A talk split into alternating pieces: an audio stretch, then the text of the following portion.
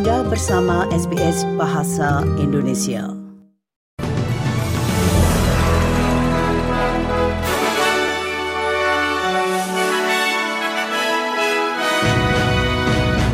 Berita terkini untuk SBS Audio Program Bahasa Indonesia hari Jumat 22 Desember 2023.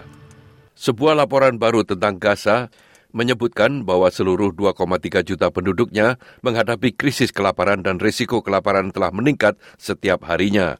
Laporan itu menemukan bahwa proporsi rumah tangga di Gaza yang terkena dampak kerawanan pangan sangat tinggi yang pernah tercatat secara global. Kepala Ekonom Program Pangan Dunia, Arif Hussein, mengatakan rakyat Gaza membutuhkan semua yang bisa diberikan. 577,000, meaning more than half a million people, are already already in catastrophic levels of hunger, meaning they're essentially starving. That is like one in every four people who's already starving. Seorang mantan detektif mengkritik kepolisian New South Wales atas penanganan kasus penyelidikan kejahatan rasial LGBT+.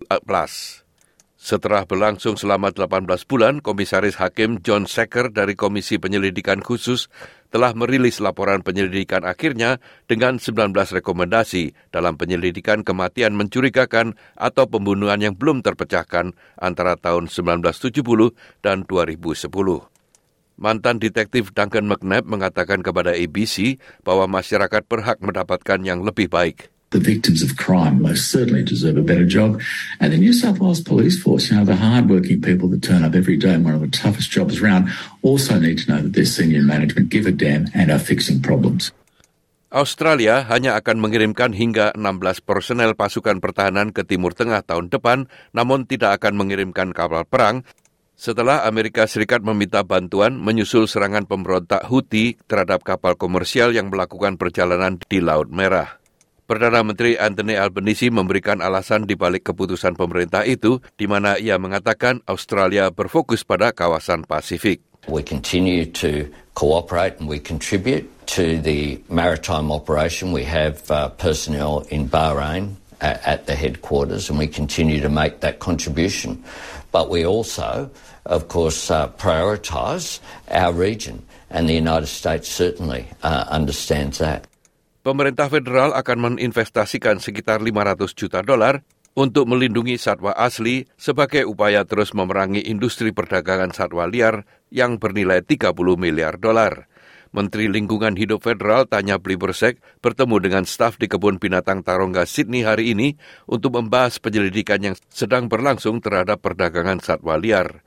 Menteri Lingkungan Hidup mengatakan ia telah menambahkan puluhan spesies baru ke dalam daftar terancam punah dan menurutnya perdagangan ilegal merupakan ancaman utamanya. This is one of the largest sources of income for criminals globally. This is about the fourth largest organised crime in the world. In our region, we believe around $30 billion a year of illegal wildlife trade by organised criminals. We've got to stamp it out, and that's why I'm very pleased that since May this year we've seen eight operations. Uh, there are seven matters currently before the courts, and we've seen two people jailed. Jumlah kerusakan akibat topan Jasper perlahan terungkap di Queensland Utara. Pihak berwenang telah mengkonfirmasi lebih dari 1.400 rumah rusak dan 3.500 rumah lainnya masih tanpa aliran listrik di wilayah itu.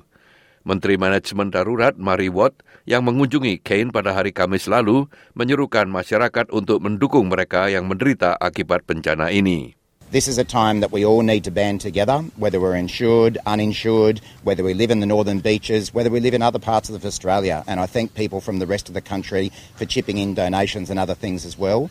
Uh, but we'll stand with the far north Queensland communities as long as it takes to get them back up on their feet because it's a bloody beautiful part of the world. Perdana Menteri Albanese mengatakan kepada Channel 9 bahwa bantuan sudah direncanakan untuk daerah tersebut. Today we'll be announcing increased support for primary producers, for small business and non-government organisations, for the nine local government areas, in addition to that uh, support for the tourism sector. If you have a booking here in far north Queensland, please don't just cancel. Uh, they want people to continue to come to the region to provide support for their economy as they come out of uh, what has been a devastating period. Ribuan warga Australia diperkirakan akan melewati bandara-bandara Australia menjelang perayaan Natal. Periode ini diperkirakan akan menjadi periode liburan tersibuk dalam empat tahun terakhir setelah pandemi menghalangi wisatawan dalam hampir empat tahun terakhir ini.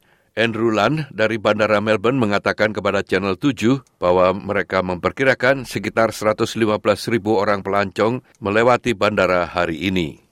In terms of a busy summer, we're actually expecting our busiest summer ever for international travel. So, not just since the pandemic, uh, but of all time. Numbers for international travel are up about 7% on 2019. So, uh, there are a lot of people heading overseas, and certainly our international terminal uh, this morning is very, very busy. Flights are going out very full, uh, and we expect uh, the next couple of days will be busy.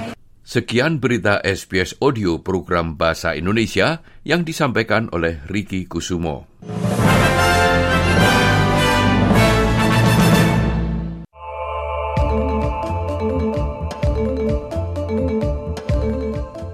Anda dapat menghubungi kami melalui telepon pada nomor 1800 500 727 atau melalui email pada alamat indonesian.program at sbs.com.au.